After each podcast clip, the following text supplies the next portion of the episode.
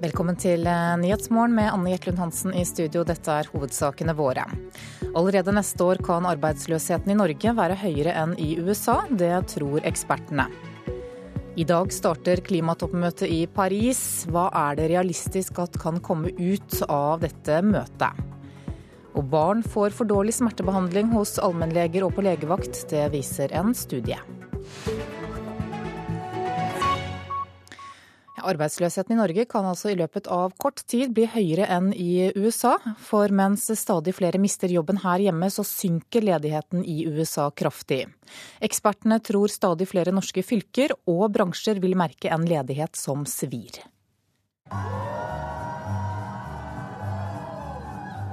Jublende handlende stormet flere butikker i New York denne helgen, på jakt etter Black Friday-kupp. Også ellers er stemningen relativt god. USA har ristet av seg finanskrisen, og ledigheten er allerede mer enn halvert. 5,0% står uten arbeid, det laveste tallet på nesten åtte år. Kontrasten er stor til Norge, der pilene peker feil vei. Vi tror ledigheten hos oss kommer til å stige videre. Det går oppover eh, hele veien, og ledigheten i USA tenderer nedover. Så de kurvene kommer nok til å krysse hverandre. Sier Kyrre Omdal, seniorøkonom i DNB Markets. Arbeidskraftundersøkelsen viser at ledigheten i Norge nå har nådd 4,6% Andelen ledige er allerede høyere enn i Tyskland. Og nå kan altså USA stå for tur. Eh, hvor raskt det er vanskelig å si. Det kan godt tenkes at det skjer allerede neste år. Sjefanalytiker Erik Bruse i Nordea Markets sier seg enig. Det kan godt skje i, løpet av neste år. Eh, ganske snart. Eh, ledigheten er på vei nedover i USA og oppover i Norge. Enn så lenge er det iallfall en trøst at slett ikke alle fylker og bransjer rammes like bredt av ledigheten. Ser vi på Midt-Norge f.eks. Og, og Innlandet, så, så, er eh, arbeidsmarkedet relativt uh, bra. Og, og, og, ledigheten holder seg stabilt lav. Her tror vi nok at det kommer til å skje endringer når vi ser fremover. Nå kommer effektene fra nedgangen i petroleumssektoren til å bre seg mer ut i økonomien, og, arbeidsmarkedet blir vanskeligere over det hele. Fremover må jobb nummer én bli å stagge den norske ledighetsveksten mener sjeføkonom Jan Andreassen i Eika-gruppen. I 17, 18, 19 og seinere så må næringslivet ha funnet noen nye gullårer, eh, noen nye oppfinnelser, noen nye næringsveier for at eh, vi skal få videre vekst i privat konsum, i boligpriser og unngå massearbeidsledighet. Men også han tror det blir vanskelig å unngå at Norge snart har flere ledige enn USA. Ja, Det er det tempoet vi har i dag. Det er ikke så lenge til. Fremdeles er uansett den norske ledigheten klart lavere enn i en rekke andre europeiske land. Og for den enkelte gjelder det å ikke gi opp, påpeker Andreassen. Det er veldig viktig at alle som eh, ønsker seg jobb, eh, søker. Ta kurs, går på Nav, og i hvert fall forsøker. Og så får bare arbeidsmarkedstallene bli hva de vil. Reporter her var Sindre Heierdal.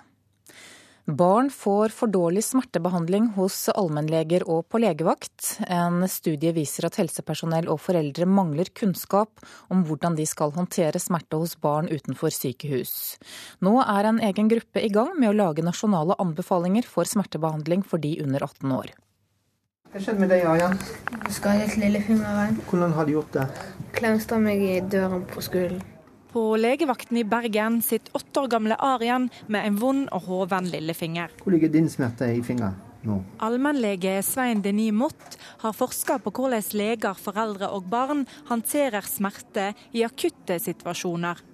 Han mener at en lar barn holde ut for mye smerte når de er syke eller skada. Når du har et barn som faller på ski, som får et brudd, blir behandlet med ambulansetransport til oss, fikk ikke noe smertestillende. Hvis det hadde vært en voksen, han skulle ha fått luftambulanse, morfin osv. I studien han har gjennomført, kommer det fram at legene både trenger og ønsker mer kunnskap om smertebehandling hjå de yngste. De savner kunnskap, og de savner fast prosedyre om håndtering og behandling av smerte blant barn. Han ser også at foreldre kvir seg for å gi medisin til barna sine, sjøl når en ser at de har vondt. Erfaringsmessig har jeg fått tilbakemelding fra foreldrene at var, de var redd for å gi medisiner. De ville ikke gjøre det fordi de ville ikke at pasienten blir hekket på medisiner. Paracet, man kan ikke være avhengig av Paracet. Og barn kjenner smerter vel så godt som voksne, faktisk enda sterkere. Kristina Brudvik er lege og førsteamanuensis ved Universitetet i Bergen. Hun sier smerteopplevelser kan sette sterke spor i barn. Det er ting som kan sette seg som arr som påvirker dette barnet videre, hvis ikke dette blir moderert. Hun skal sammen med et nettverk av leger over hele landet og Legemiddelverket sette sammen anbefalinger for bruk av smertestillende hjå barn. Vi planlegger jo å ha dette klart i løpet av våren 2016. Men vi har allerede noen foreløpige retningslinjer som vi tenkte å sende ut til eh, både legekontorer og legevakter. I anbefalingene vil det bl.a. stå hva type medisin en kan gi til barn, og i hva dose. Så vi kan bruke paracetamol, vi kan bruke ibuprofen, som er en betennelsesdempende. Vi kan bruke også morfin, som kan svelges. Og ofte det er et problem med doser. Mange er veldig redd til å bruke feil dose, overdosere medisin og sånt. Og det betyr at det fører til mye underdosering. Arian var heldig. Han har ikke brekt noe. Men det var likevel én ting som var litt kjedelig. Ja. Du må være forsiktig med ballspill. Ingen ballspill. Jeg står veldig ofte i keeper. Nei, ikke i tre uker. Reporter her, det var Marte Njåstad. Skal vi se hva avisene er opptatt av i dag, og flere av dem handler om nettopp klimamøtet i Paris som starter i formiddag. Klassekampen skriver at Norge ivrer for en regnskapsføring av CO2-kutt som kan resultere i at oljefesten forlenges, uten noen garanti for at de totale utslippene går ned. Derfor kan Europa bli fornybart i 2030, er overskriften i Dagsavisen. Politikere og analytikere mener at med riktig politikk så kan forsyningen av elektrisitet i Europa og USA være 100% fornybar i 2030. Mens Dagbladet skriver at leder Nina Jensen i WWF langer ut mot Norges miljøinnsats mens klimaforhandlingene innledes i Paris. Erna, hva vil du gjøre for å sette Norge på rett klimakurs, spør hun. Nasjonen skriver at det er rekordvekst for solenergi i Norge. Stadig flere private investerer i solceller og leverer strøm til det åpne strømnettet. Solcellekapasiteten her i landet økte med 20% fra 2013 til 2014. Aftenposten skriver at årets møte hos Politiets sikkerhetstjeneste om forebygging av terror ble avlyst. 36 toppsjefer i den regjeringsoppnevnte kontaktgruppen for forebygging av terrorhandlinger skal møtes årlig hos PST, men i år så var det for få som meldte seg på, og dermed ble det ikke noe av møtet. Et eh, eget nytt utvalg skal granske flyktningstrømmen, skriver Vårt Land. Det regjeringsoppnevnte utvalget skal bl.a. se på hva det gjør med Norge at så mange flyktninger, asylsøkere og innvandrere kommer til landet vårt nå ønsker hjelp fra Saudi-Arabia til å bygge ny moské i havgapet. Det er overskriften i Bergens Tidende. Flere medlemmer gjør at islamske menigheter på Vestlandet ønsker større forsamlingshus. Og nå vurderer de å be givere i gulfstater som Saudi-Arabia og De forente arabiske emirater om økonomisk hjelp til bygging. Dagens Næringsliv forteller at fem nordmenn er siktet for skattetriksing i Dubai.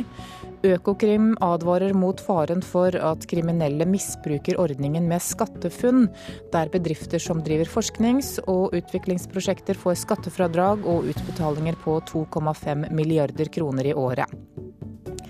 Finansavisen skriver at Stortinget betaler 200 000 kroner per kvadratmeter for et nytt kontorbygg.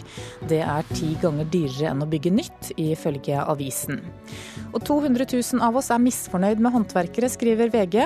Avisen gir deg en sjekkliste for å unngå feller. skal vi ha sport. Aksel Lund Svindal mener skadeavbrekket har hatt mye å si for årets suksess. I helgen tok han verdenscupseier nummer 26 og 27, med seier i både utfor og i super-G i Lake Louise. Og Svindal viste forrykende form, til tross for at han ikke har kjørt fartsrenn siden VM i februar. Men her kommer Aksel Lund Svindal, 45 hundredeler foran! Det er utklassing på nytt i Lake Louise! Istedenfor å stresse og jage, så er det helt på limit både ja, sånn helsemessig og, um, om du er i god nok form. da. Så fikk jeg roa til å bare ta det ti steg ned, og så heller bygge det opp helt fra bunnen av. Er litt digg for hodet også, bare ha den muligheten til å gjøre ting ordentlig og ikke være begrensa på tid til at du må gjøre ting halvveis. Med 27 seire i verdenscupen er han inne på topp ti-listen over de mestvinnende alpinistene noensinne. Prestasjonen blir enda mer imponerende når 32-åringen ikke har konkurrert i fartsdisiplinene siden VM i februar. Lund Svindal mener det har vært viktig å skynde seg langsomt frem mot årets sesong. Altså, selvfølgelig også mentalt, men også teknisk og fysisk. Da, at Istedenfor at du skal rushe. For renna vil jo hele tida avbryte hva du får gjort av trening. Så når de i fjor ikke konkurrerte noe særlig, så kan du på en måte ha en lengre plan. Og da er det ikke så farlig om de ikke er i form hver eneste uke. Da er det mer um, hver, eller nesten et år fram i tid som er greia. og Da kan den skynde seg litt langsomt. Og nå har han planen klar før gjensynet med Beaver Creek til helgen. Du gjør som vanlig, slapp av litt, kjør litt på Nå høres det ut som første gjennomkjøring Beaver Creek er onsdag. Så bruke tirsdagen kanskje på å ut og cruise litt og gjøre litt av den normale skikjøringa, ikke det som er på en måte full gass og full risiko. Så bare ta det takk ned, og så være klar igjen når det smeller i Beaver Creek. Reporter her, det var Ørjan Bjørnstad. Du hører på Nyhetsmorgen nå. Klokka er 6.44. Dette er hovedsakene våre. Allerede neste år kan arbeidsløsheten i Norge være høyere enn i USA. Det tror ekspertene. Stormen Gorm har herjet Danmark og Sør-Sverige i natt. 50 000 er uten lys og varme. Og følg oss videre, vi pynter nemlig til jul som aldri før. 1,6 milliarder kroner er det ventet at vi bruker på julepynt i år. Men nå skal vi til en annen av hovedsakene denne morgenen, nemlig klimatoppmøtet i Paris, som starter i dag. Norske medier har den siste tiden hatt nedtelling og temauker der de har rettet søkelyset på klima og miljø. Men klimarapporteringen varierer stort i Europa. I enkelte land så vet mange knapt hva som skal skje i Frankrike de neste dagene. Everyone was talking about, oh uh.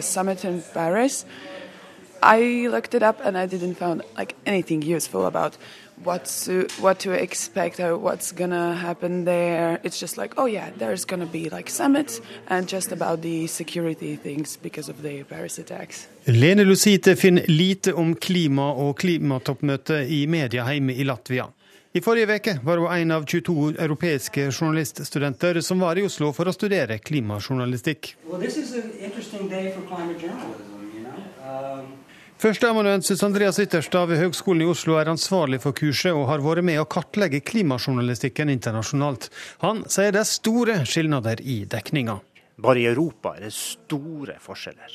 Og det, ting er ikke alltid som vi tror.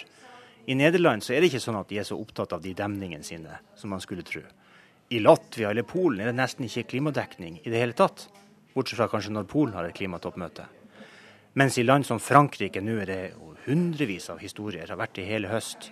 Eh, og Norge er et av de landene der eh, det er relativt stor klimadekning i mediene, også mellom toppmøtene. Journalistikkprofessor Torsten Schäffer ved Høgskolen i Darmstadt underviser bl.a. i undersøkende journalistikk og klimajournalistikk. Han mener media kan spille en viktig rolle i klimadebatten gjennom temaveker, arrangement og å sette søkelyset på klima. They can do like um, action days or conferences, and then they are like really active doing something themselves. But they can create um, a public sphere. They can create uh, conditions that help much to alter things, to change maybe attitudes and also politics. For Lene Lusite fra Latvia har kurset i klimajournalistikk vært en vekker. Hun håper dette kan bli noe hun kan arbeide videre med når hun kommer hjem. Actually, now I'm considering it. Like, I have to admit, when I came here, I didn't expect what to like. I didn't think about what to expect from this course. I didn't study climate change at all before, and I didn't even looked it up. And after I read my first book, I was like, "Oh, we are in a lot of trouble." and I think I could, should go back and write at least at least pay attention to that, or talk about the other reporters and journalists to do something about that because it's a big thing. Og den latviske studenten Liene Lucite håper å kunne jobbe med klimajournalistikk i Latvia, og kanskje også å få med seg flere journalister i hjemlandet. Reporter her, det var Espen Alnes. Og Og Møtet i Paris det starter altså i dag, og en av dem som skal dit, det er miljøagent Elia Hudgens. God morgen. Hei, hei. God morgen. Du er 14 år og sitter i Barnas klimapanel. Og aller først, eh, hva er dette klimapanelet? Eh, jo, eh, Klimapanelet er jo et talerør, eller en eh, måte å fremme barns meninger på til politikerne. Hvor barn da kommer med ideer og innspill til hva de synes er viktig at vi skal ta opp med de. Og så kommer vi også selv med ideer og eh, med andre ting som vi kan ta opp med politikerne. Hvor mange er dere? Eh, vi er ni stykker, men det er bare seks av oss som skal til Paris. Ja, og hva skal dere gjøre når dere kommer dit? Eh, først og fremst så har vi jo skrevet en rapport nå for litt siden som vi har tenkt å dele ut til de vi møter der. Blant annet skal vi møte Tine Sundtoft og FNs klimapanel sin leder Mr. Lee, eller Hosong Lee. Og så skal vi klare å oversette rapporten, da, så de får den på engelsk. Hva står det i rapporten deres? Um, vi har skrevet litt om uh, hva barn mener, og at barn er redde for klimaendringer, og hva som kan skje. Ikke bare i land hvor liksom, de blir påvirket fysisk av det, men også i andre land, som i Norge. Man kan bli på, påvirket psykologisk, liksom. At man føler at det er forferdelige og dumme ting som skjer i verden, som man ikke alltid kan gjøre noe med, da. Og så skal dere også møte Tine Sundtoft, som er eh, miljøminister her i Norge. Hva skal dere si til henne? Eh, vi har først og fremst tenkt å snakke om barns meninger, og hva vi mener at hun burde få fram i Paris når de er på klimatoppmøte, og hva hun burde snakke om, og hva hun burde gjøre og ta opp for Norge. Hvilke tips har dere da? Um, vi vil jo at, skal med, at hun skal komme med de mest mulig klima- og miljøvennlige forslagene og tiltakene som Norge da kan få til å gjøre innen, uh, innen togradersmålet, sånn at vi ikke går over det. Sånn at de da kommer med gode tiltak og avtaler som gjør at vi klarer å oppnå det, da. Går det an å si litt om hvilke tiltak dere mener er de beste? Um, det er så klart å kutte ned på olje- og gass, gassutviklingen. At vi heller fokuserer mye mer på fornybar energi, og gjør det kanskje en, eh, noe som eh, vi, Noe som flere folk da har også lyst til å ta initiativ til å da begynne med også, da, sånn at alle andre land også begynner med fornybar energi, f.eks. Og så skal du, som du sa, også møte lederen for FNs klimapanel. Hvordan blir det? Uh, jeg tror det blir kjempekult. Jeg gleder meg veldig. Fordi det hele her startet jo med at jeg møtte den forrige lederen for FNs klimapanel, Eh, han het doktor Pachauri, og så ble vi jo da enige om å danne dette Barnas klimapanel. Og da blir det gøy å snakke med han og ta opp tråden der den liksom sluttet, og gi han rapporten og snakke med han om klimapanelet. Og målet vårt er jo å gjøre dette Barnas klimapanel til en internasjonal greie, fordi det var på en måte bare en testpanel her i Norge. Og da vil vi snakke med han om et internasjonalt Barnas klimapanel, da. Hvilke andre innspill vil dere gi til uh, han? Um, vi skal jo overrekke rapporten vår, som jeg tror jeg sa litt om i stad. Og så har vi også tenkt å fortelle han om hvordan det har gått, og hva barn i Norge synes om verden, og hvordan ting ligger an, og ja. Går det an å si litt om det? Hvordan dere syns at ting ligger an nå? Ja, altså, Vi syns ikke det er top notch. Så det er, det er jo litt det går jo ikke så bra som det kunne ha gått. Og det er jo derfor blant annet vi vil snakke med han og si at ting går ikke som det egentlig burde gå, og vi burde få til en ordentlig avtale med alle landene som faktisk funker, og som er bindende, som man da ikke kan trekke seg ut av. Hvordan ser du på det som skal skje under toppmøtet i Paris nå de neste to ukene? Um, jeg synes det er ganske bra og litt dumt også. Siden det her er jo det Jeg husker ikke helt eh, hvor mange klimatoppmøter, men det har vært ganske mange siden det første. Og da er det jo ganske dumt at det har gått så langt til at vi må ha såpass mange klimatoppmøter, til, og vi ikke har fått til noe avtale. Men jeg håper på at dette klimatoppmøtet kommer til å gå ganske bra. At vi får til en avtale og noe som, eh, noe som blir da, som man, som man kan få til. Altså du er optimist, rett og slett? Ja. Da sier jeg god tur til eh, Paris, miljøagent Elia Hedgins. Oppussingen av Stortingets kontorbygg i Prinsens gate vil koste ti ganger mer enn å bygge nytt. Det skriver Finansavisen. Den høye prislappen skyldes bl.a. en rekke ting som ikke har gått helt som planlagt. Det viser seg nemlig at det gamle kontorbygget i Prinsens gate 26 står på en skiferbergart som utvider seg når den kommer i kontakt med luft, hvilket har gitt store setningsskader på bygget. I tillegg til å fikse disse, måtte man grave to etasjer ned i bakken for å få ut den ustabile skiferen, sier Stortingets kommunikasjonsavdeling til Finansavisen. I tillegg har det dukket opp kabler som ikke var merket på noe kart. Anbud på deler av prosjektet har blitt dyrere enn planlagt, og det har dukket opp krav om at den 130 år gamle fasaden skal stå urørt når prosjektet er ferdig. Slikt blir det kostnader av. Ifølge Finansavisen er prosjektet nå beregnet til å koste 1,45 milliarder kroner, eller 200 000 kroner kvadratmeteren. Normalprisen for nye kontorbygg er rundt 20 000 kroner kvadraten. Altså blir Stortingets kontorbygg om lag ti ganger så dyrt. Og fortsatt er det ikke sikkert at det stopper her. Bygget skal etter planen stå klart i 2018. Reporter var Halvard Norum. Nå tennes julelysene rundt i hele landet. Mange bruker masse penger på å lyse opp hus og hage, og butikkene forventer en økning i salget denne julen. Det er nemlig ventet at vi kommer til å bruke så mye som 1,6 milliarder kroner på julepynt i år. Jeg hadde i utgangspunktet nå tenkt å koble den på her. Jan Henriksen på Hovet i Porsgrunn er i ferd med å legge siste hånd på verket. Han dekorerer huset sitt med julelys. Mange lys. Det var visst ikke noe særlig villig til gitt. Rundt 6000 lys, da, uh, røftlig. Jeg får gode tilbakemeldinger, både fra barnehagen og fra andre rundt omkring her. Ja, hvordan er det å ta alt dette her ned igjen? Det vil jeg ikke si.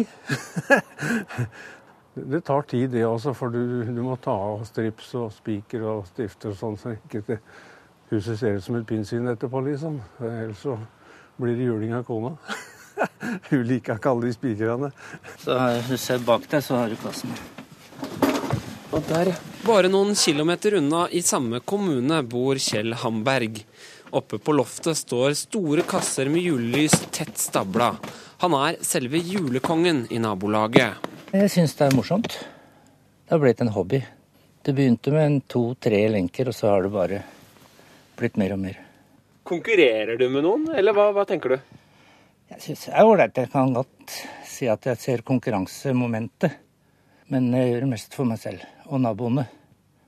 Hva sier naboene, da? Ja, De sa ikke noe til de første årene, men nå ser det ut som de setter pris på det. Og hvor mange lys har du? Hvis jeg henger opp alt 10 000. Og nå skal du snart i gang. Hvordan ser du på det? Ja, gruer bestandig litt. Grann. Hvor lang tid bruker du? Ca. en uke. Her har vi mye vindusspynt. Her er lyslenker og fyrverkeri i bøtter og spann. I butikkene finnes et bredt utvalg av julelys. Assisterende butikksjef på Europris Porsgrunn, Gunn Marit Sandvik Nilsen, viser frem noe av det som finnes. I lavpriskjeden forventer de en økning i salget på mellom 20 og 25% denne jula. Forbrukerøkonom i DNB, Silje Sandmæl, har gjort utregninger som viser at vi skal bruke mye penger på julepynt i år. Faktisk så mye som 1,6 milliarder kroner totalt sett. Vi kommer til å bruke i gjennomsnitt 400 kroner, og så vil kvinner bruke ca. en hundrelapp mer enn menn. Så drar jeg jo den bortover mot garasjen. Tilbake i Porsgrunn hos Jan Henriksen er vi nå kommet til øyeblikket der alt er klart. Lysene skal tennes. Ja, nå er klar til å sette i kontakten. Så nå skal det bli lys på taket og på veggen her mot syd, da. Oi. Så Da lyser det opp? Ja da. Det funker, det, heldigvis. Det er jo en veldig god følelse. det er jo det. Det blir jo lett at en smiler litt og, og stort sett er fornøyd med verket. Reporter var Stian Worsø Simonsen. Skal vi se på et værvarsel som gjelder til midnatt. Langfjella vestlig opp til sterk kuling utsatte steder. Snøbyger vesentlig i vestlige områder. Fjellet i Sør-Norge unntatt Langfjella. Om formiddagen nordvestlig sterk kuling og snø. Utover ettermiddagen minkende vind og snøbyger. Østlandet og Telemark periodevis opp i stiv kuling på kysten. Utover dagen minkende. Nord for Lillehammer forbigående snø midt på dagen. Ellers opphold og perioder med sol. Agder på kysten opp i stiv kuling fra vest. Først på dagen kan hende liten storm fra Lindesnes og vestover. Sludd og, snø og regnbyger, snøbyger i høyden og i indre strøk. I øst etter hvert opphold. Rogaland vest eller nordvestlig liten storm utsatte steder og på kysten. Fra i formiddag minkende til stiv eller sterk kuling. Regnbyger og haglbyger. Hordaland og Sogn og Fjordane nordvestlig stiv og til dels sterk kuling utsatte steder og på kysten. Fra i formiddag vestlig liten eller stiv kuling. Møre og Romsdal nordvestlig stiv og til dels sterk kuling utsatte steder og på kysten. Trøndelag kan vente seg periodevis liten kuling på kysten. Stort sett opphold. Fra i ettermiddag nordvestlig til dels stiv til sterk kuling utsatte steder og på kysten, først i sør. I kveld også lenger nord. Nordland i kveld nordvestlig opp til liten kuling på kysten. Enkelte regn- og sluddbyger kan hende med torden. Troms sørøstlig liten kuling utsatte steder. I ettermiddag minkende til bris. Litt snø i indre strøk og enkelte sluddbyger i sør, ellers stort sett opphold. Finnmark sørlig liten kuling utsatte steder. Litt snø på vidda, ellers for det meste oppholdsvær. Og på Nordensjøland på Spitsbergen er det ventet østlig stiv kuling utsatte steder. Litt snø vesentlig i øst og en del snøfolk. Så tar vi med at det er utrygt for torden på hele Vestlandet og Trøndelag. Alle de stedene får også regnbyger og haglbyger og snøbyger over 100-300 meter. Så tar vi med temperaturene som ble målt klokka fire. Da hadde både Svalbard lufthavn, Trondheim, Kirkenes og Oslo minus to grader. Vardø og Alta pluss to. Tromsø minus én. Bodø tre. Brønnøysund og Molde én. Stavanger seks. Kristiansand fire. Gardermoen minus fire. Lillehammer minus fem. Og på Røros så var det minus 17 grader.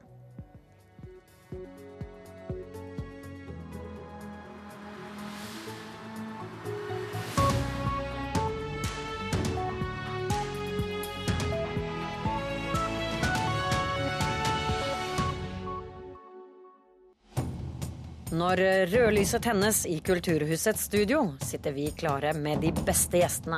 De som hjelper deg å forstå hva som skjer rundt oss med kulturblikk.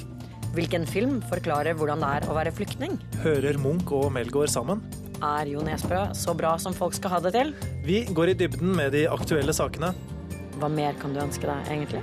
Kulturhuset hverdager klokka 13 på NRK P2.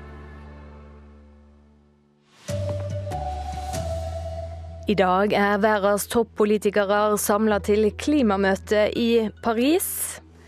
Samtidig er det nesten ikke mulig å se sola i Beijing pga. rekordkraftig forurensning.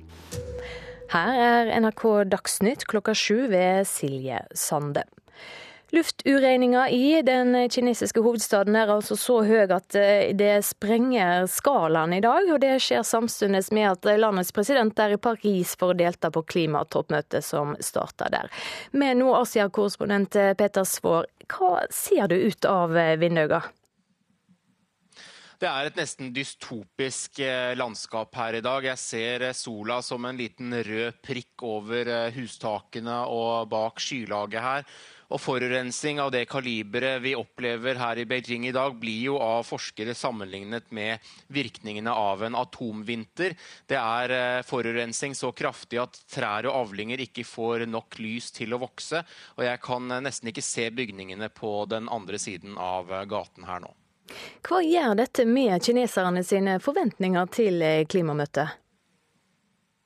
Det er klart at Den ekstreme forurensningen her i Kina nå har lagt et press på kinesiske myndigheter de siste årene. Det er giftig luft som det vi puster her i Beijing i dag, som tar mellom 1 og 2 millioner menneskeliv hvert år her i Kina. Dvs. Si at 4500 mennesker hver dag dør av den giftige luften. Ehm, I dag har vi et nivå rundt 600 utenfor vinduene her, og litt utenfor byen ser jeg målinger opp i 800. Og skalaen går jo bare til 500, så denne forurensningen forurensningen er rett og slett livsfarlig for mennesker. og Det gjør at lederskapet her også ser at de over tid ikke kan fortsette på denne måten, selv om utslippskutt også vil bety redusert økonomisk vekst. Takk skal du ha, korrespondent Peter Svår. Og det blir mer om klimatoppmøtet i Nyhetsmorgen like etter Dagsnytt. Det er ikke meldt om personskader etter den kraftige stormen som herja i Danmark og sør i Sverige sent i går kveld. Kring 50 000 er fremdeles uten strøm, de fleste av dem i Skåne. Bruene som i natt måtte stenges i Danmark, er nå åpne igjen, og det pågår ryddearbeid etter uværet.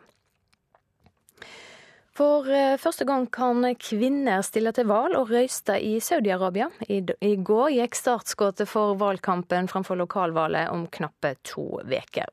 Landet hadde sitt første lokalvalg i 2005 og et nytt i 2011. Begge ganger har bare menn kunnet røyste. Flere enn 900 kvinner står på listene til lokalvalget i Saudi-Arabia, som er det eneste landet i verden der kvinner ikke får lov å kjøre bil.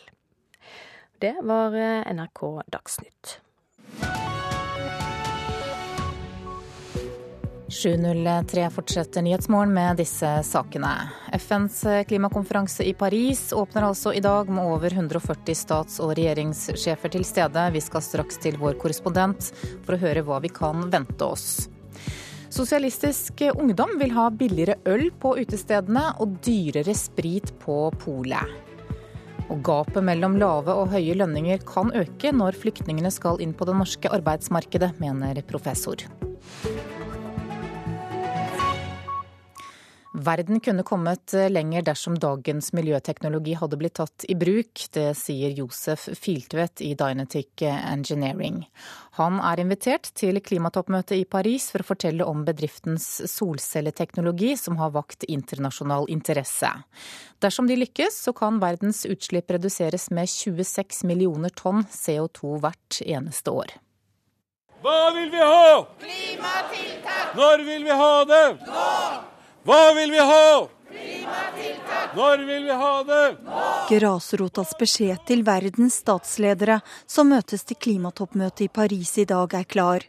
Nå vil de ha en endring. Folk i verden vil en klimaforandring. Vil at de skal gjøre tiltak som monner. Over hele verden gikk folk i klimamarsjer i går, og en av dem var Petter Spæren i Fredrikstad. Jeg må gjøre noe, jeg er forandringen.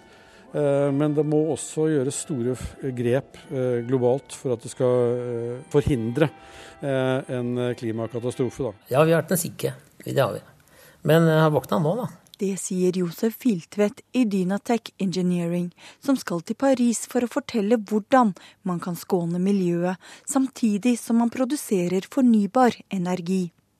Bedriften hans i Askim har brukt 150 millioner kroner på en teknologi som vekker internasjonal oppsikt. En reaktor som skal gjøre solceller mer attraktive. Det er 15 eh, 000 ganger mer energi fra sola enn det vi klarer å bruke. Enn det vi trenger. Så altså hele ett års forbruk, tre kvarter. Det er nok fornybar energi vi har vannkraft, sol, vind. Masse overskudd av energi.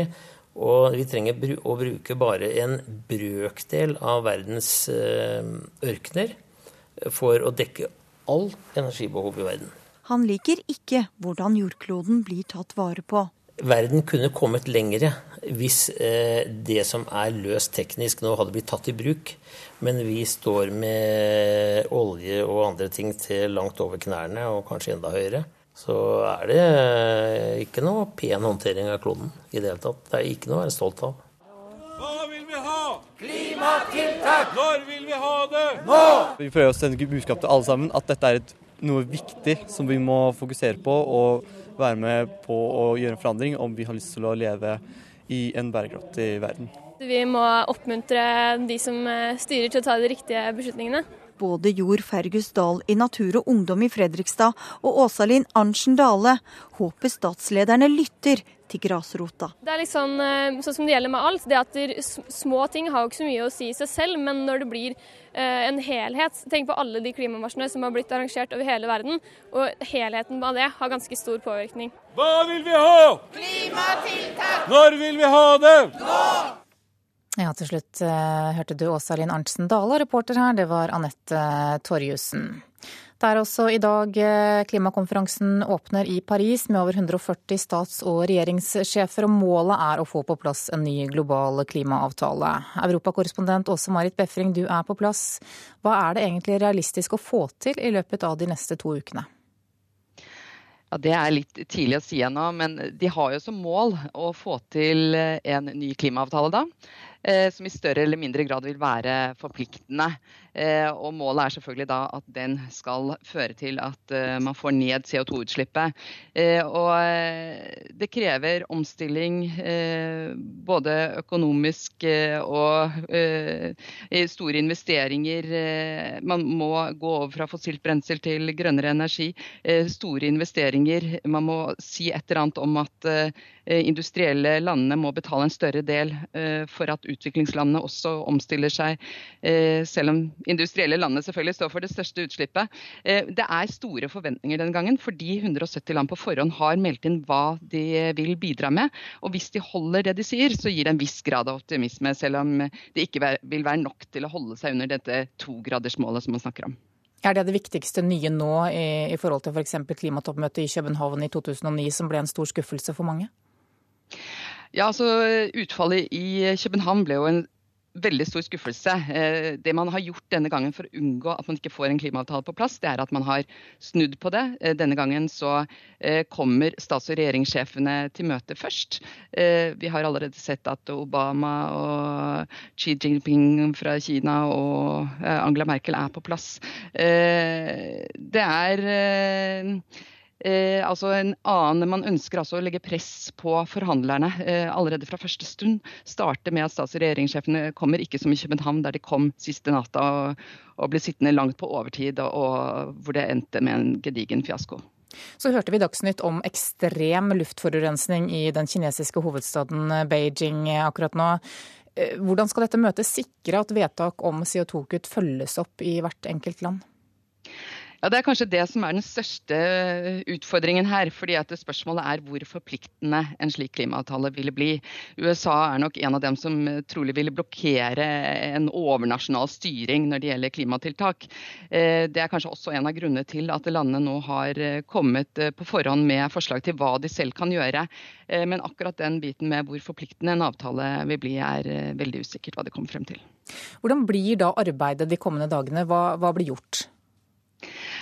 Nei, Nå skal jo først stats- og regjeringssjefene være her i dag eh, for å på en måte legge løpet og understreke at det, at det, nå er det viktig at man får på plass en avtale. Legge press på hovedforhandlerne. Eh, og så vil man da jobbe døgnkontinuerlig lange dager fremover eh, for å jobbe med en tekst. Den er nå på 50 sider. Denne ønsker de å korte ned, få mer presis, bli enige om de ulike punktene. Og så kommer miljøvernministrene da siste uken. Tine Sundtoft kommer allerede allerede på mandag. Det er veldig uvanlig at de kommer så tidlig, men dette understreker jo at det nå er på tide å få en avtale. At de mener at dette her er eh, viktig. Takk skal du ha, Åse Marit Befring, som altså følger klimatoppmøtet i Paris. Sosialistisk Ungdom vil gjøre det billigere å drikke øl ute på byen og dyrere å drikke sprit hjemme. Ungdomspartiet vil flytte mer av drikkingen inn i kontrollerte former på serveringssteder der fulle folk ikke får servert drikke, og samtidig sikre jobber i utelivsbransjen i en tid da den økonomiske pilen peker nedover. De andre ungdomspartiene er positive, og forslaget får også støtte fra Bryggeriforeningen.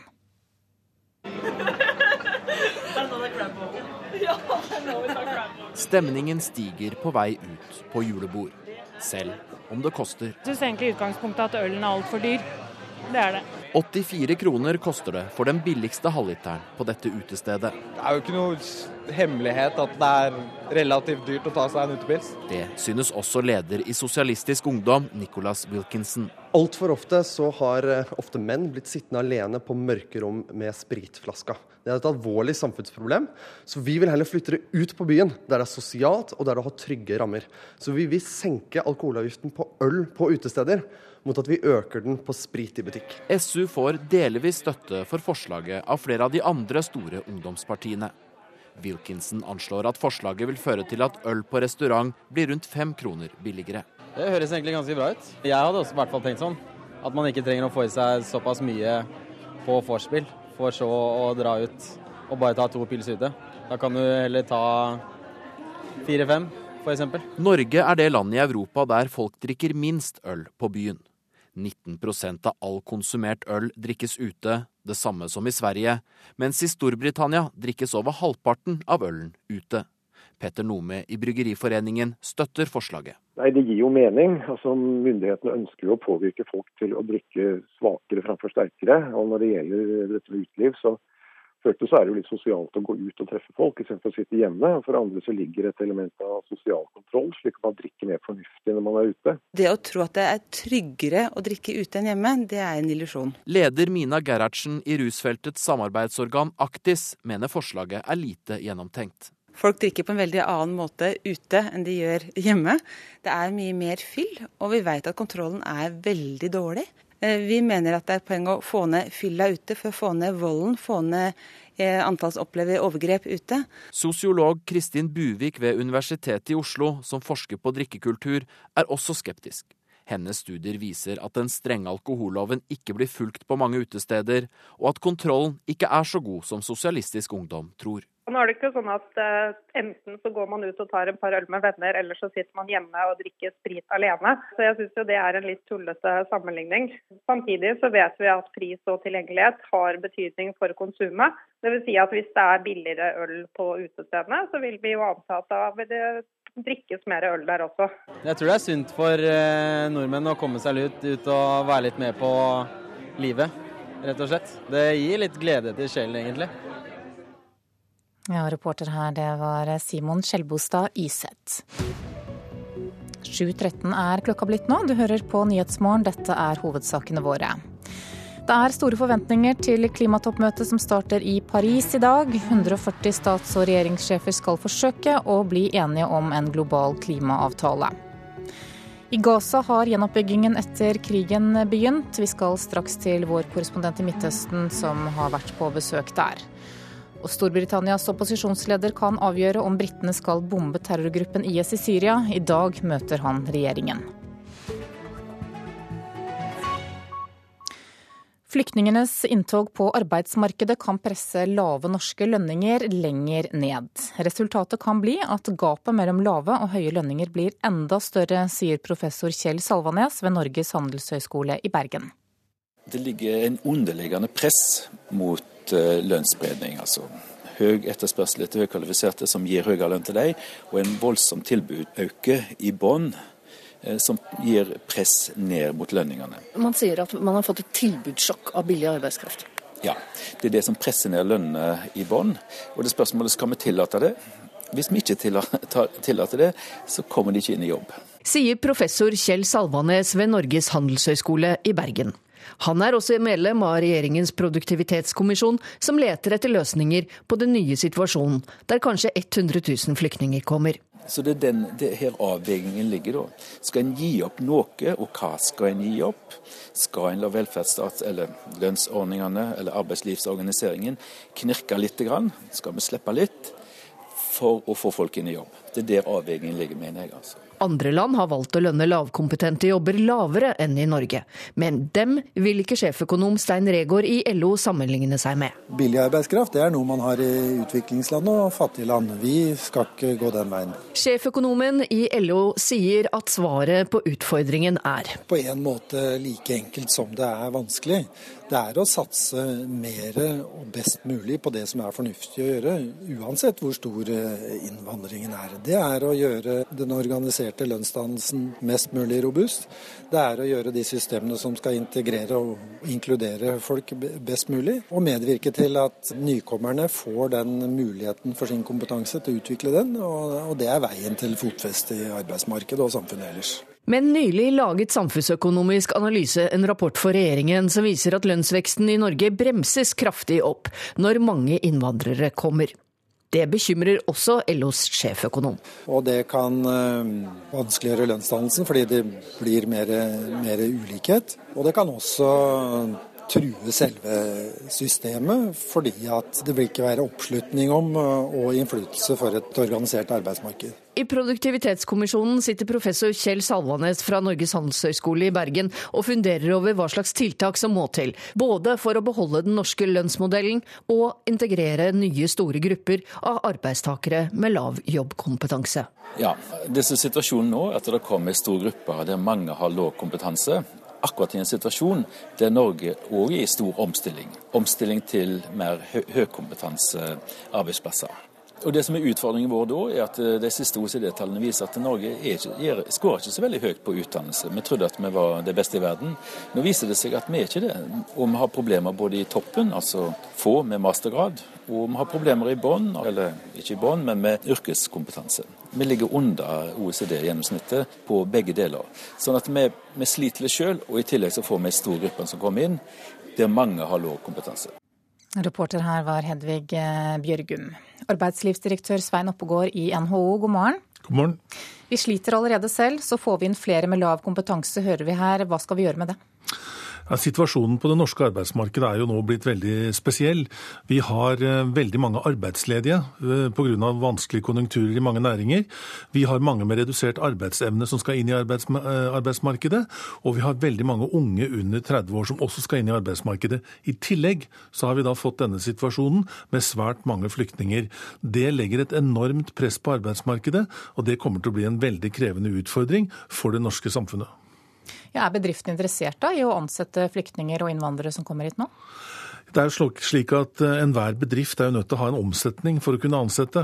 Og Den aller beste måten å skape nye arbeidsplasser og lønnsomme bedrifter på, det er selvfølgelig å ha en god næringspolitikk som stimulerer bedriftene til å ansette, og til på en måte å skaffe seg nye markeder og øke inntjeningen, slik at de kan ansette flere. Det er det grunnleggende og aller enkleste. Så I innslaget her så hørte vi professor Kjell Salvanes si at han tror vi må tillate større lønnsforskjeller dersom flyktningene skal komme i jobb. Hvordan ser du på det? Jeg tror Salvanes har veldig mye rett i det han sier. Den norske lønnsmodellen med et høyt og relativt sammenpresset lønnsnivå, eller den solidariske lønnspolitikken som vi gjerne har kalt det, kommer til å bli satt under et kraftig press. Når vi får så store grupper inn i arbeidsmarkedet som skal konkurrere om veldig få jobber, så kommer det å bli et press på lønnsnivået. Det er den vanlige tilbudet- og etterspørselsmekanismen som kommer til å virke her også. Og så er det en viktig opplysning, tror jeg. Det er at eh, det norske arbeidsmarkedet kommer til å vokse veldig lite i årene fremover. Når vi har spurt NHOs medlemsbedrifter, så svarer de at de tror at vi får en vekst på ca. en halv prosent. Det er mellom 12 000 og 15 000 nye jobber. Og når vi ser på det tallet av arbeidsledige på rundt 100 000-120 000, det er anslått 100 000 nye flyktninger, så er det klart at disse tingene går ikke sammen. Det blir veldig krevende på det norske arbeidsmarkedet fremover. Hva skjer da hvis vi ikke tillater at eh, lønnsforskjellene blir større, eller at de lave lønningene blir presset nedover? Nei, Jeg tror ikke det er så enkelt å si at vi skal tillate at lønnsforskjellene blir større, men det kommer til å være et press på de jobbene som er si, mindre kompetente, og som ligger i den lavere delen av lønnssjiktet. Og vi tror også at arbeidsmarkedet blir mye mer polarisert. Dvs. Si, vi får flere i den høykompetente og flere i den lavkompetente delen av arbeidsmarkedet. Nettopp fordi det kommer så stor tilstrømning av nye arbeidstakere. Mange av dagens asylsøkere og flyktninger kommer til å bli her kanskje for resten av livet. Hva er det viktigste vi må gjøre da for at de skal bli integrert? Nei, Alle er enige om at arbeid er den aller viktigste integrasjonsfaktoren i norske samfunnet. Språkopplæring er det aller viktigste. Hvis du ikke kan norsk, så har du ingen sjanse på det norske arbeidsmarkedet. Og det er viktig at folk ikke bare begynner å arbeide, men at de fortsetter å arbeide.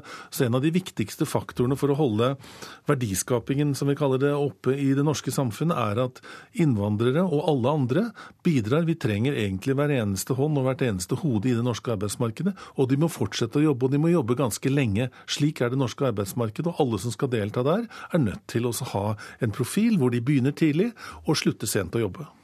Svein Oppegård, takk for at du kom hit til eh, Nyhetsmorgen. Da skal vi se hva avisene er opptatt av i dag.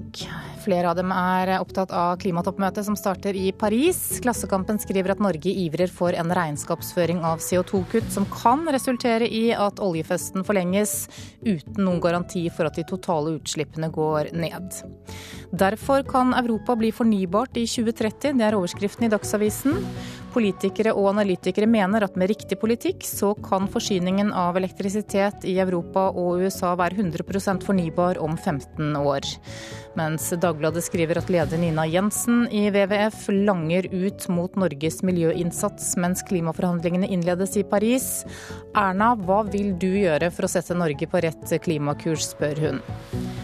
Nasjonen skriver at det er rekordvekst for solenergi i Norge. Stadig flere private investerer i solceller og leverer strøm til det åpne strømnettet. Og solcellekapasiteten her i landet økte med 20% fra 2013 til 2014.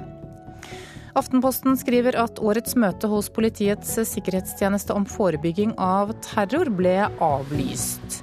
36 toppsjefer i den regjeringsoppnevnte kontaktgruppen for forebygging av terrorhandlinger skal møtes årlig hos PST, men i år så var det for få som meldte seg på, og dermed så ble det ikke noe av. Et eget nytt utvalg skal granske flyktningstrømmen, skriver Vårt Land. Det regjeringsoppnevnte utvalget skal bl.a. granske hva det gjør med Norge at så mange flyktninger, asylsøkere og innvandrere kommer til landet vårt akkurat nå ønsker hjelp fra Saudi-Arabia til å bygge ny moské i havgapet. Det er overskriften i Bergens Tidende.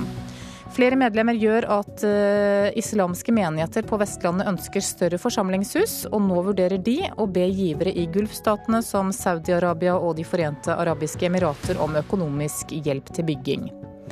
Dagens Næringsliv forteller at fem nordmenn er siktet for skattetriksing i Dubai. Økokrim advarer mot faren for at kriminelle misbruker ordningen med SkatteFUNN, der bedrifter som driver forsknings- og utviklingsprosjekter får skattefradrag og utbetalinger på 2,5 milliarder kroner i året. I Gaza så har gjenoppbyggingen etter krigen begynt. Ifølge FN er om lag 1000 boliger under bygging, av de i underkant av 10 000 som ble totalt ødelagt under krigen i fjor.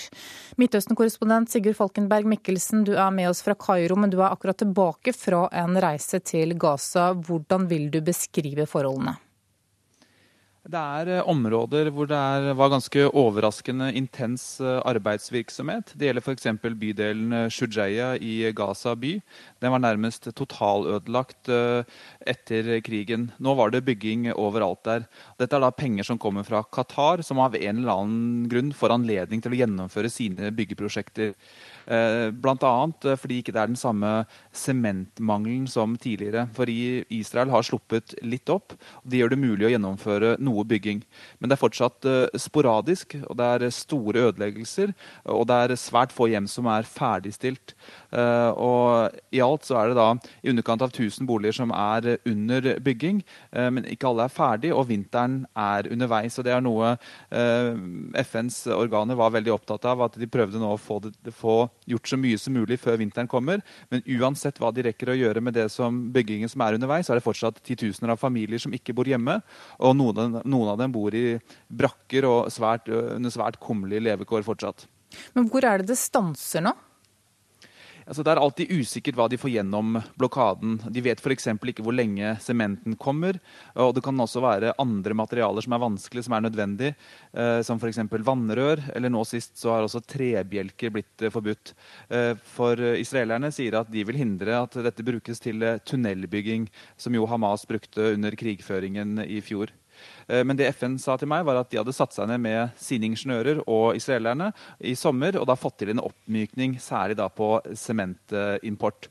Eh, det er også Israels interesse at dette ikke utvikler seg til en ukontrollerbar humanitær katastrofe. Eh, hovedproblemet nå er splittelsen mellom Hamas og selvstyremyndighetene som sitter i Ramallah på den okkuperte Vestbredden. De gjør det veldig komplisert å få til nye byggeprosjekter.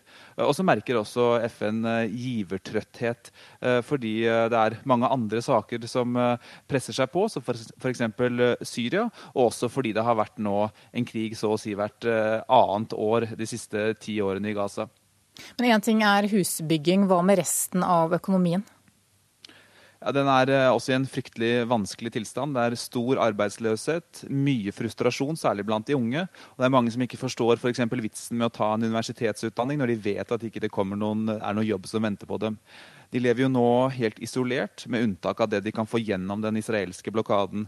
Egypt har stengt alle smuglertunnelene. Eh, de sprøytet nylig inn sjøvann og ødela eh, alle tunnelene der. Eh, og når det gjelder f.eks. privatøkonomien, så er det bare 5% av det som ble bygget opp innen privat sektor, som ble ødelagt under krigen. Og det var masse bedrifter og sånne ting som, er bygget, som er bygget opp igjen. Så mesteparten av det ligger fortsatt brakk. Eh, på den positive siden så har de fått eh, vann- og energisystemene til å fungere sånn noenlunde. Eh, men det sier seg at folk lever veldig sårbart, og mange lever på et eksistensminimum. Takk skal du ha, Sigurd Falkenberg Mikkelsen skal vi til Storbritannia. Der blir det opposisjonsleder Jeremy Corbyn som langt på vei avgjør hvorvidt landet kommer til å bombe IS-stillinger i Syria. Statsminister David Cameron er avhengig av støtte fra et titalls folkevalgte fra opposisjonen for å sikre flertall, men Corbyn har ennå ikke avgjort om han vil la sine partifeller få stemme fritt i saken. It's the leader who decides. The leader who decides. All right, that's very good. And you, and you will make up your mind when? Jeg kommer til å bestemme meg, forsikret Labour-leder Jeremy Corbyn da han ble presset i et intervju i går. Og det handler om å la sine partifeller selv bestemme om de vil støtte eller avvise at britiske bombefly skal få angripe stillingene til den selvutnevnte såkalte islamske stat i Syria. Det flertallet får han kun med hjelp fra Labour. De to andre største opposisjonspartiene, Liberaldemokratene og det skotske nasjonalistpartiet, har vendt tommelen ned. Men svinger Jeremy Corbyn partipisken innad i Labour, så må medlemmene gjøre som han sier, si nei. Listen, I understand um, dissent. I understand disagreement from leadership, and I'm respectful of, di of differences of opinion within our party. Og det konservative regjeringspartiet forsøker nå å overbevise så mange Labour-medlemmer det kan, sier forsvarsminister Michael Fallon. Yes, we've been talking to Labour MPs all week. We've been giving them briefing, trying to answer some of the very legitimate questions they've been asking. Og det er ikke umulig at de kan få til det, dersom Labour-medlemmene altså får stemme ut fra egen overbevisning. Flere partimedlemmer har anonymt sagt at de ikke støtter antibomberetorikken til sin leder, men tør ikke stå frem før det er klart om det blir åpen votering i saken. We shouldn't be content with outsourcing our security to our allies. If we believe that action can help protect us, then with our allies we should be part of that action, not standing aside from it. Vi må ikke la våre allierte alene ta ansvar for vår sikkerhet, argumenterte statsminister David Cameron da han la frem sitt tindrende ønske om luftangrep mot IS i Syria for parlamentet i forrige uke. Kilder i Downing Street har antydet at en avstemning kan bli avholdt allerede nå på onsdag, dersom Cameron føler at han har nok støtte. Han har gjort det krystallklart at det å gjennomføre en avstemning som han taper, vil være et altfor stort PR-kupp for IS, og det er det siste han vil. Men det er altså hans motstander i Underhuset, og ikke han selv, som blir jokeren i spillet. Espen Aas, London. Klokka nærmer seg 7.30 og Dagsnytt nå. Produsent for Nyhetsmorgen i dag heter Elise Heisel Asbjørnsen, og her i studio Anne Jetlund Hansen.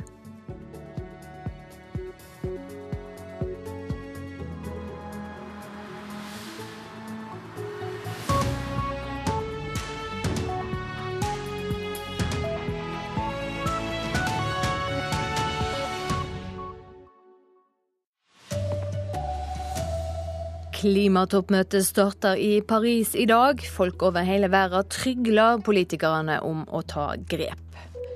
Lavtlønnsyrker kan bli enda dårligere betalt når de mange flyktningene skal ut i jobb.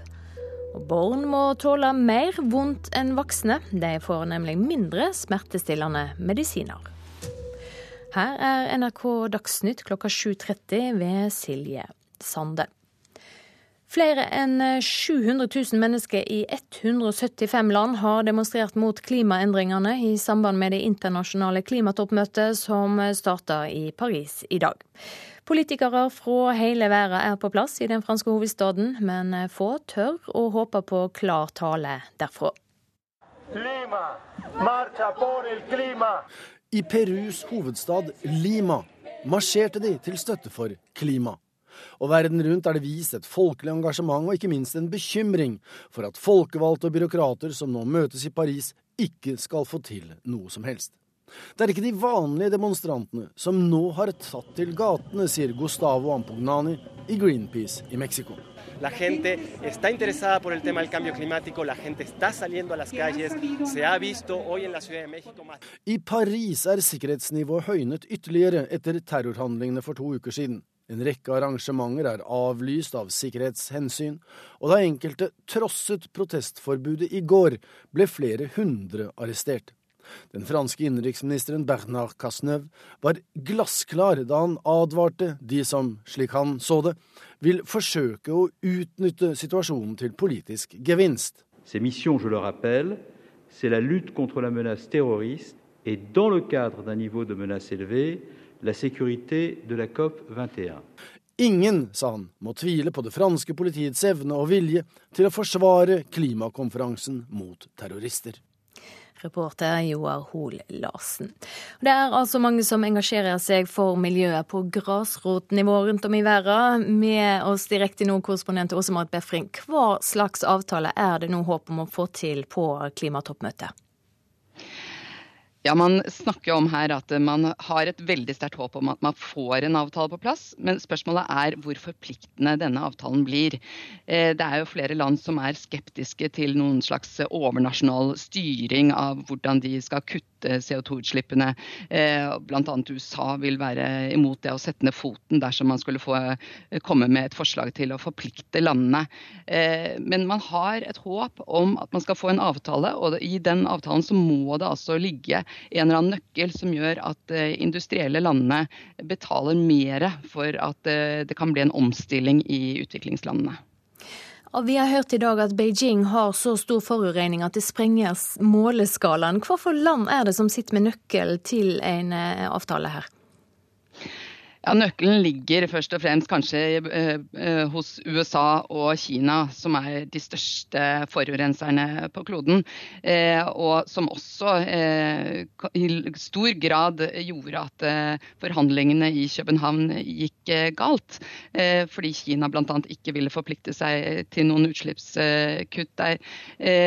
Så de har nok i stor grad nøkkelen her i disse forhandlingene er et håp eh, når de nå setter seg sammen, fordi at 170 eh, land har sagt hva de vil gjøre for å nå klimamålene. Eh, så det er en slags optimisme å spore nå blant forhandlingslederne. Takk skal du ha, korrespondent Åse-Marit Befring. 55 000 svenske husholdninger er fremdeles uten strøm etter at stormen Gorm i går og i natt ødela strømlinjer og stengte Øresundbrua for all trafikk. Mange av dem får ikke strømmen tilbake før langt ut på dagen i dag. Ja, for min egen del så må jeg stå ekstremt bredbent eh, for at Slik høres det ut da SVTs Mikael Nilsson rapporterte fra Øresundsbrua i natt. Den kraftige blåsten gjør at broen kommer til å være avstengt i flere timer til. Men ikke bare brustans. Det kommer rapporter hele tiden eh, om nedfalne trær i Skåne eh, og tegel eh, som, som, som far i luften. Alle tog i Sør-Sverige sto stille i går kveld, og mange veier er fremdeles stengte. Og Mange av de 55 000 svenske husholdningene som har vært uten strøm, får ikke den tilbake for langt ut på mandagen, for det tar lang tid å få rydde all skogen som har ødelagt strømlinjene.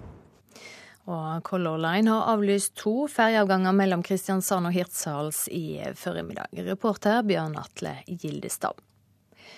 Gapet mellom høye og lave lønnsgrupper kan bli større når flyktningene skal inn på den norske jobbmarkedet.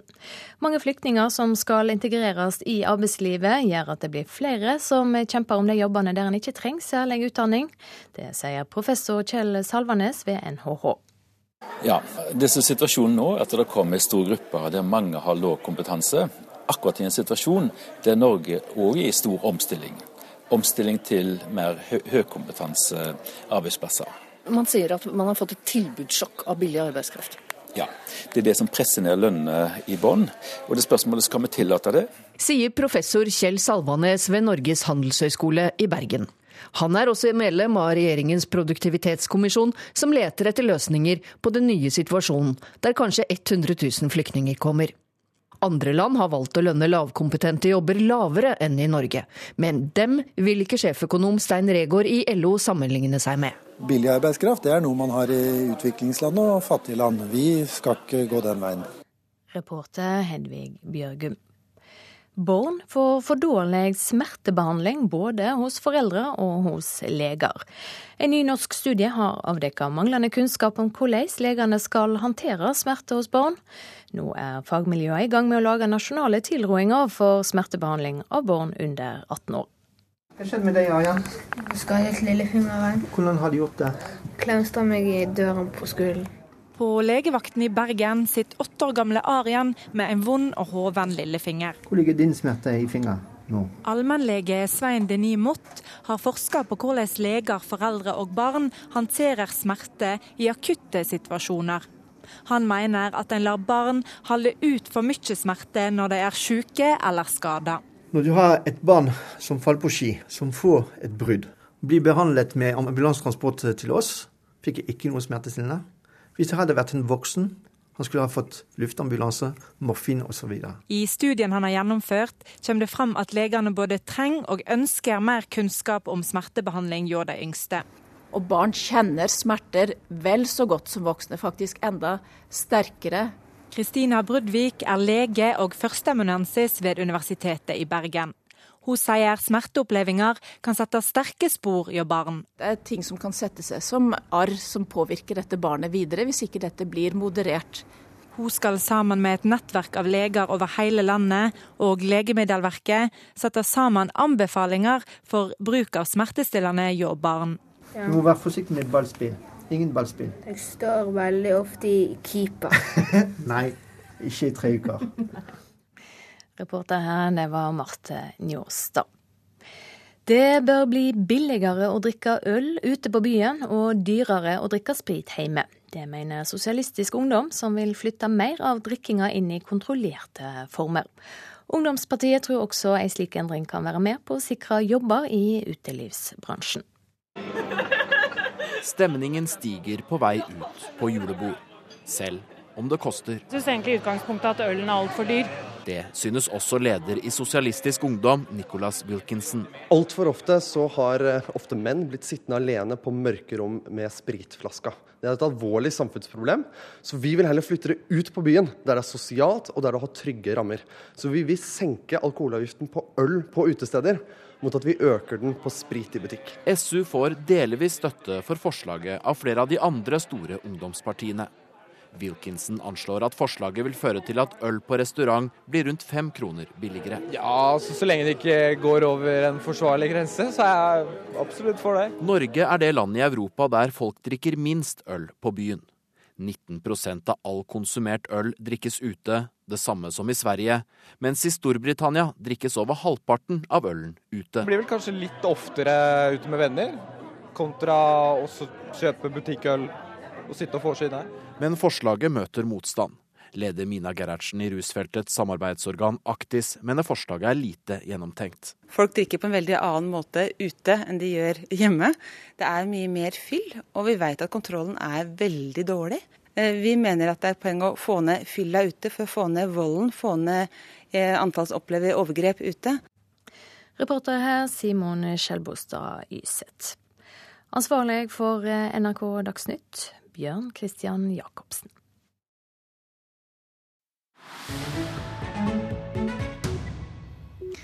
I Nyhetsmorgen skal vi til Eritrea, som blir kalt for Afrikas Nord-Korea.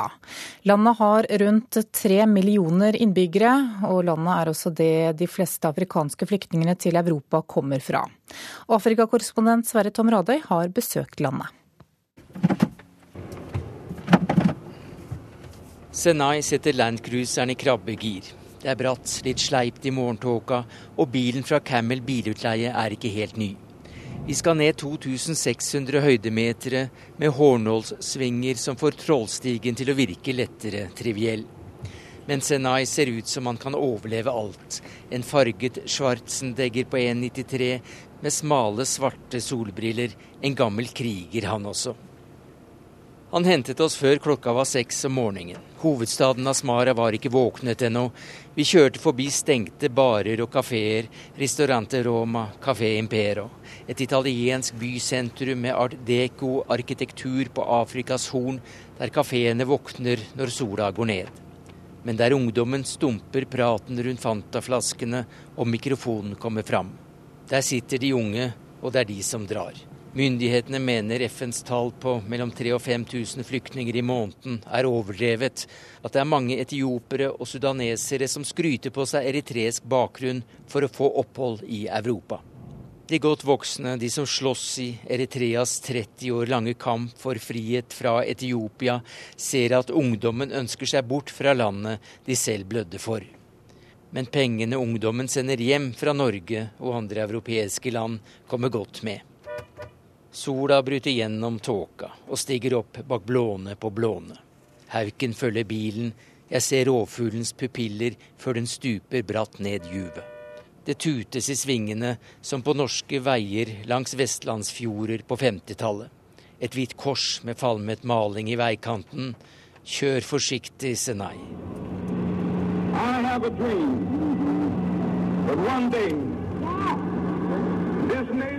Jeg har en drøm.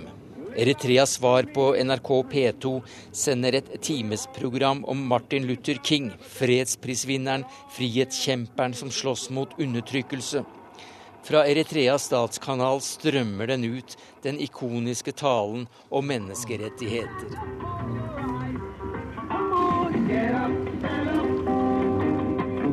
Talen tonefølges av Bob Marleys oppfordring til å stå opp og kreve sin rett. Sjåføren Senai digger Bob Marley, selv om rastafolket dyrket Haile Selassie som en gud, keiseren av Etiopia, Eritreas fiende, som slukte landet med FNs velsignelse. Rastaflettet var et kjennemerke for frigjøringshæren. Krigerne var kule helter for en hel generasjon vestlige revolusjonsromantikere og nordmenn opptatt av internasjonal solidaritet. Eritreere topper stadig statistikken over både druknede afrikanere i Middelhavet og afrikanere som kommer seg levende til Europa. Myndighetene mener flukten skyldes at eritreere ganske automatisk og ufortjent får opphold og flyktningstatus. De kaller det for dra-faktoren. Ungdommen dras ut av landet. Regjeringen har noen konspiratoriske resonnementer om at landets fiender, Etiopia og USA, står bak for å tappe Eritrea for arbeidskraft og soldater men innrømmer samtidig at nasjonaltjenesten er så upopulær at mange drar også av den grunn. De som drar, frykter fengsling og tortur om de sendes hjem. Myndighetene kaller det oppspinn, og viser til at mange kommer tilbake på ferie. Det var altså vår Afrikakorrespondent Sverre Tom Rådøy som hadde laget dette innslaget. Klokka er 7.44 nå. Hovedsakene våre er at klimatoppmøtet starter i Paris i dag. Folk over hele verden ber politikerne om å ta grep. Lavtlønnsyrkene kan bli enda dårligere betalt når de mange flyktningene skal ut i jobb. Og barn får for dårlig smertebehandling hos allmennleger og på legevakt. Det viser en studie.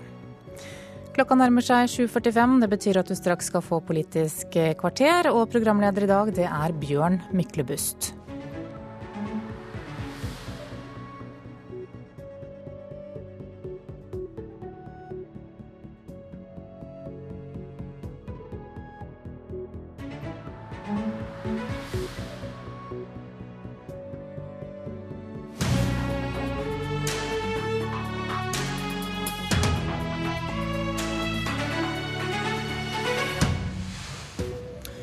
Norge må forurense mer for å redde klimaet, sier Høyres miljøpolitiske talsmann.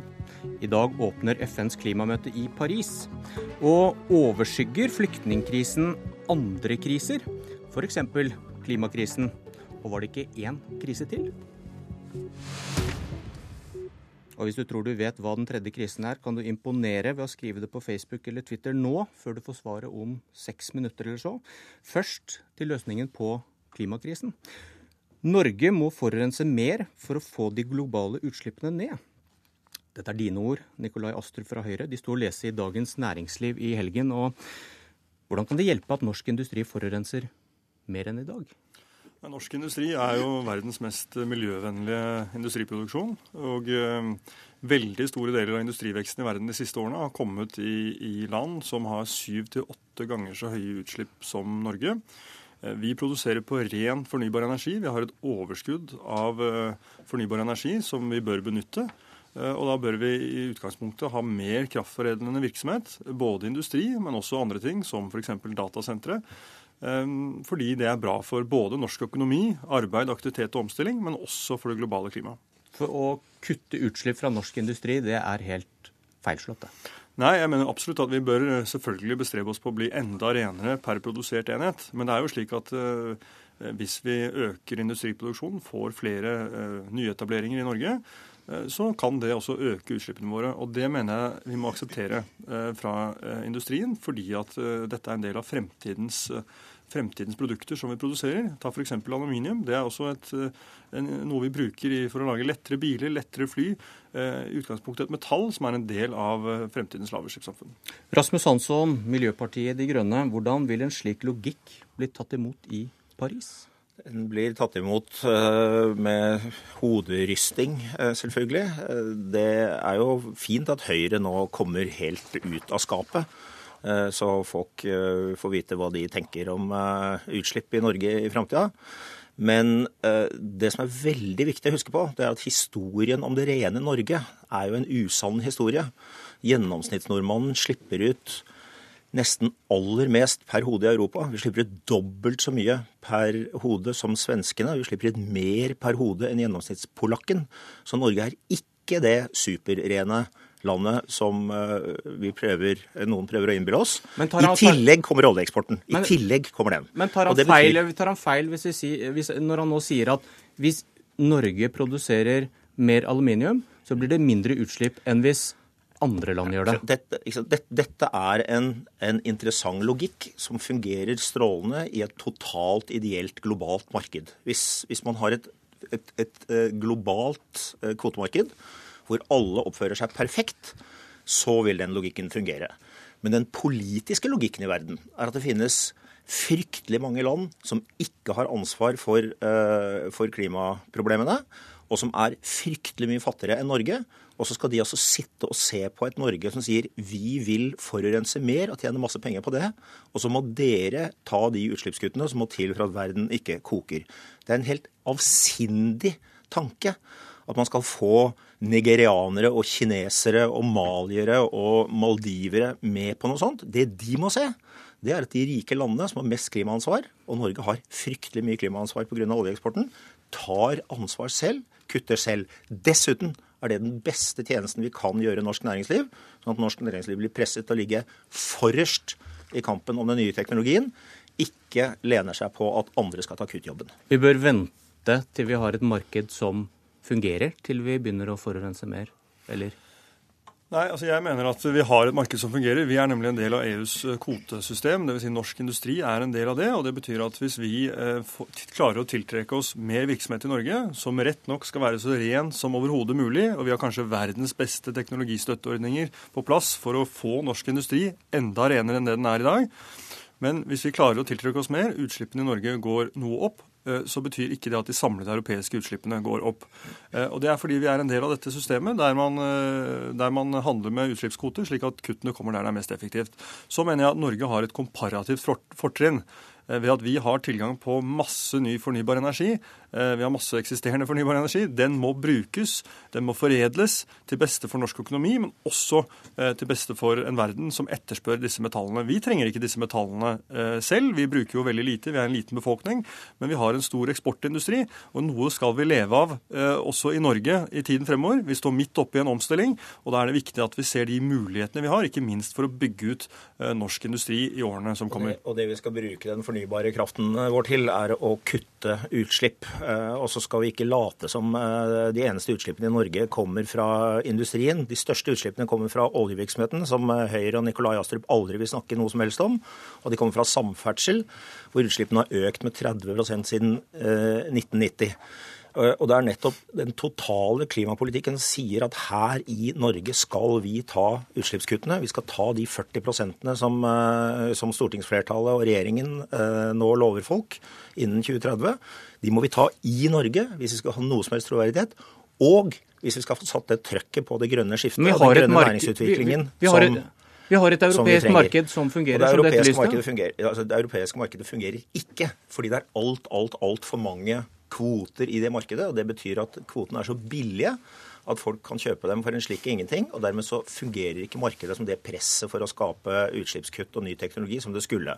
Så kan det hende at det kommer til å fungere om en stund, når, eh, hvis, hvis EU klarer å måtte, skru til taket. Og da vil du taket. være for en slik eh, mekanikk, og eller? Er, og da er den mekanismen mye bedre. Da kan vi i hvert fall, kan vi i hvert fall bruke den med, uh, med god samvittighet og med effektivitet. Men EU har noe som Norge ikke har. De har i tillegg effektivitetsmål, og de har tillegg fornybarmål, mens Norge har bare kuttmål, som vi for øvrig ikke oppfyller. Og Det er det som er den store forskjellen. Hørte du at Miljøpartiet De Grønne nå åpnet for å godta et eh, kvotemarked som fungerer? Nei, jeg hørte ikke det. Og Rasmus Hansson har jo hele tiden vært motstander av kvotesystemet. Nei, effektive kvotemarkeder. kvotesystemet. Og det er et faktum at uavhengig av hva prisen på kvotene i EU er, så vil utslippene i 2030 være 43% lavere enn de var i 2005. Uavhengig av hva, nå snakker jeg, Rasmus, uavhengig av hva uh, kvoteprisen er. Vi skal selv, selvsagt ha store ambisjoner for kutt i ikke-kvotepliktig sektor, bl.a. i transportsektoren, i byggsektoren, i landbruket. Uh, og der er vi i gang med en rekke tiltak som vil bidra til å redusere utslippene med 40% innen 2030. Men i industrien så har vi en kjempemulighet til å faktisk eh, vokse. Det vil være bra for norsk økonomi og det globale klimaet. Jeg synes at eh, det er en del paradokser i det jeg kaller de deler av den norske miljøbevegelsen. Og der tar jeg med Rasmus Hansson.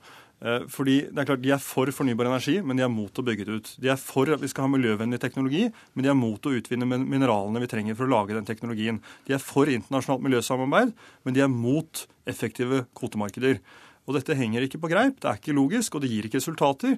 Og svaret til Hansson er jo bare ett, nemlig at vi skal ha negativ økonomisk vekst. Vi skal bli et fattigere samfunn, og det vil bety mindre velferd. Og det vil bety mindre oppslutning om den viktige klimakampen vi står opp for. Jeg mener vi må kunne klare å kombinere høyere vekst og lavere utslipp. Og hvis ikke vi, som et av verdens rikeste land, klarer å få til den kombinasjonen, hvem skal da klare det? Svar på det på 30 sekunder. Du. Forbruksvekst er ikke uh, svaret på verdens utfordringer. Og det er Miljøpartiet De Grønne som har foreslått en storsatsing på nyutvikling av en vindindustri offshore i, i Norge. Uh, det, er bare med nød, det er bare med nød og neppe at vi har klart å hale Høyre med oss på den satsingen. Men vi kan ikke leve av subsidier, Rasmus Hansson. Det, ja, men det er det som er å bygge ut fornybar, uh, fornybar energi i Norge. Nikolai Nikolai Astrup. Så nå må du bestemme deg om du er for eller mot.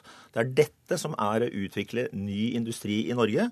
Utnytte de ressursene vi har innafor de rammene som miljøet tåler, og på en måte som bruker norsk industri og, og norsk eh, kompetanse, f.eks. havvind, men da må Høyre være med. Å bygge ut storskala havvindparker hvor vi selger strømmen for 2 kroner og 50 øre per Eh, når vi, når vi, produserer strøm for 2,50 kroner eh, per kWt, og vi kan selge den for 20 øre, så sier det seg selv Rasmus Hansson, at dette er ikke det vi skal leve av i morgen. Nei, det, okay. vi må ha noe, det er også slik at eh, folk skal ha en jobb å gå til, og det vil være bra for klimaet eh, om den jobben var i norsk industri. Vi skal få inn en ny gjest i samtalen og to nye kriser.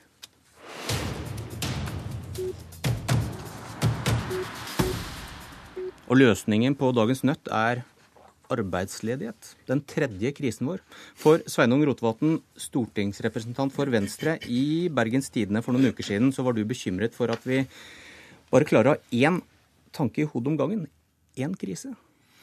Ja, jeg var og jeg er det. Eh, fordi det som jeg mener er påfallende, er at vi tidligere i høst hadde en enorm diskusjon om den store omstillinga vi må gjennom, den store økningen i arbeidsløse, særlig på Vestlandet, eh, og hvordan vi skal få ny fart i næringslivet vårt. Og Partiet kappes i å lansere tiltakspakker, og det var i alle kanaler. Og så plutselig så ble det helt stille. Og Grunnen til det var selvfølgelig at eh, vi fikk en stor flyktningkrise i fanget, som definitivt er viktig. Men det gjør jo ikke at den situasjonen vi ser i industrien vår på arbeidsmarkedet har blitt noe mindre alvorlig. Tvert imot så har arbeidsløsa steget med over 50% på Vestlandet det siste året, eh, og behovet for omstilling er like stort. Likevel så ble det helt stille, og det som var litt min bekymringsmelding i den forbindelse, det var at Jeg syns det er problematisk at vi som eh, politisk miljø, og kanskje også i media, sliter med å holde fokus på de store, langsiktige utfordringene når det plutselig kommer en ny krise som må håndteres, og som dominerer i alle kanaler. Hvorfor blir det sånn, da? Det er nok litt sånn dynamikken er, altså kanskje særlig i, media, men det er klart at det gjør jo også at politikken følger etter på et vis. Eh, dynamikken i politikken er jo litt slik at politikere føler jo et særlig press for å komme med løsninger på og tiltak mot det som til enhver tid er på dagsordenen, og som folk snakker om. Eh, og jeg tror det ville vært en fordel om Eh, eller for å si det sånn da, Jeg tror nok at Erna Solberg føler et voldsomt press for å løse flyktningkrisa. Jeg er mer usikker på om hun føler det samme presset for å løse klimakrisa og bidra til et ambisiøst toppmøte i Paris. Eh, og Det mener jeg er problemet, at vi ikke klarer å se også de langsiktige, store utfordringene når vi får en del kortsiktige utfordringer og må håndtere dem. Onde satiriske tunger på høyresiden vil kanskje si at ingen norske politikere gjør det, men politikk handler om å prioritere. Nikolai Astrup, man må kanskje velge hvilken krise man vil løse? Jeg vet ikke helt det, for jeg tror disse krisene som, eh, som Sveinung nevner her, de henger jo sammen på et vis også. Eh, og jeg snakket jo nå i den første debatten nettopp om behovet for eh, at vi legger til rette for arbeid, aktivitet og omstilling. Det var også overskriften på statsbudsjettet, som jo ble lansert da vi sto midt oppe i en krevende flyktningsituasjon. Og vi klarte å bevare den profilen helt ut gjennom budsjettforliket. Og samtidig så er jo klimautfordringen er noe som kan skape større eh, migrasjonsutfordringer i, i verden. Eh, men Erna Solberg er i Paris eh, nå. Og, og, bidrar til å ta ansvar for, den, for de forhandlingene som vi, vi, fører der. Så det er mulig å se disse tingene i, i, sammenheng, og jeg mener at vi også gjør det. Rasmus Hansson, krisene henger sammen, men blir kanskje også konkurrenter i minutter på radio og TV og om kroner i et budsjett? Ja, Det er jo helt sikkert riktig. Derfor er det jo fint at uh, Svein Gråtevakten tar opp en sånn uh, debatt som dette. For det er jo både politikkens og medias uh, svøpe at vi er for dårlige til å, til å konsentrere oss om mer enn én ting av gangen. Men Samtidig så, så, henger jo disse tingene til de grader sammen. Altså, det som jo er helt avgjørende for Norge, det er jo å klare å skape det nye næringslivet som skal erstatte øh, oljevirksomheten. Det er nødvendig for oss selv, men det er også nødvendig for verden, nettopp for, som Nikolai Astrup var inne på, det som lurer som den aller, aller største faktoren eh, i forhold til om folk, om veldig mange mennesker kommer til å begynne å flytte på seg, det er om de områdene de bor i, lever i nå, kommer til å være levelige om 20, 30 og 50 år. Det er det klimautviklingen som avgjør. Og krig og, det betyr, og sånt, kanskje? Jo, men krig, selvfølgelig krig og sånt, kanskje. Men den aller mest umiddelbare og kraftfulle effekten av klimaendringer, det vil være konflikt. Eh, og konflikt skaper, eh, skaper flyktningstrømmer, så vil vi hindre enorme flyktningstrømmer i framtida. Så må vi legge om norsk industri til å bli grønn, eh, for det er den eneste løsningen på klimakrisen. Rotvatn. La det ikke være noen tvil om at flyktningkrisa er alvorlig, og den norske håndteringa av den er viktig. Men det hjelper altså ikke en eneste flyktning at arbeidsledigheten fortsetter å stige på Vestlandet, og at verftsindustrien ikke får oppdrag, og at vi ikke klarer å omstille næringslivet vårt. Tvert imot så er det jo helt avgjørende for å få integrert folk, for å få sysselsatt dem, at vi har vekst i økonomien vår, og at vi klarer å få til en omstilling. Og Da er det nå engang slik eh, at vi har med å gjøre begrensa ressurser, både sendeflate i media og penger på statsbudsjettet, og da har hva krise som får oppmerksomhet, og hva vi diskuterer, ganske mye å si. Eh, og det bekymrer meg eh, at vi ikke har fått det store trøkket vi burde få både på Stortinget og offentlige budsjett rundt å håndtere klimakrisa, eh, og når det gjelder å håndtere den utviklingen vi har sett i næringslivet vårt, og konsekvensene av den fallende oljeprisen. Slik at jeg tror at når vi nå har kommet gjennom den tøffe flyktninghøsten og de tøffe debattene som har vært, så må vi se de langsiktige utfordringene, og fremst av dem er klimakrisa. Takk alle tre for at dere var med i Politisk kvarter. Jeg heter Bjørn Myklebust.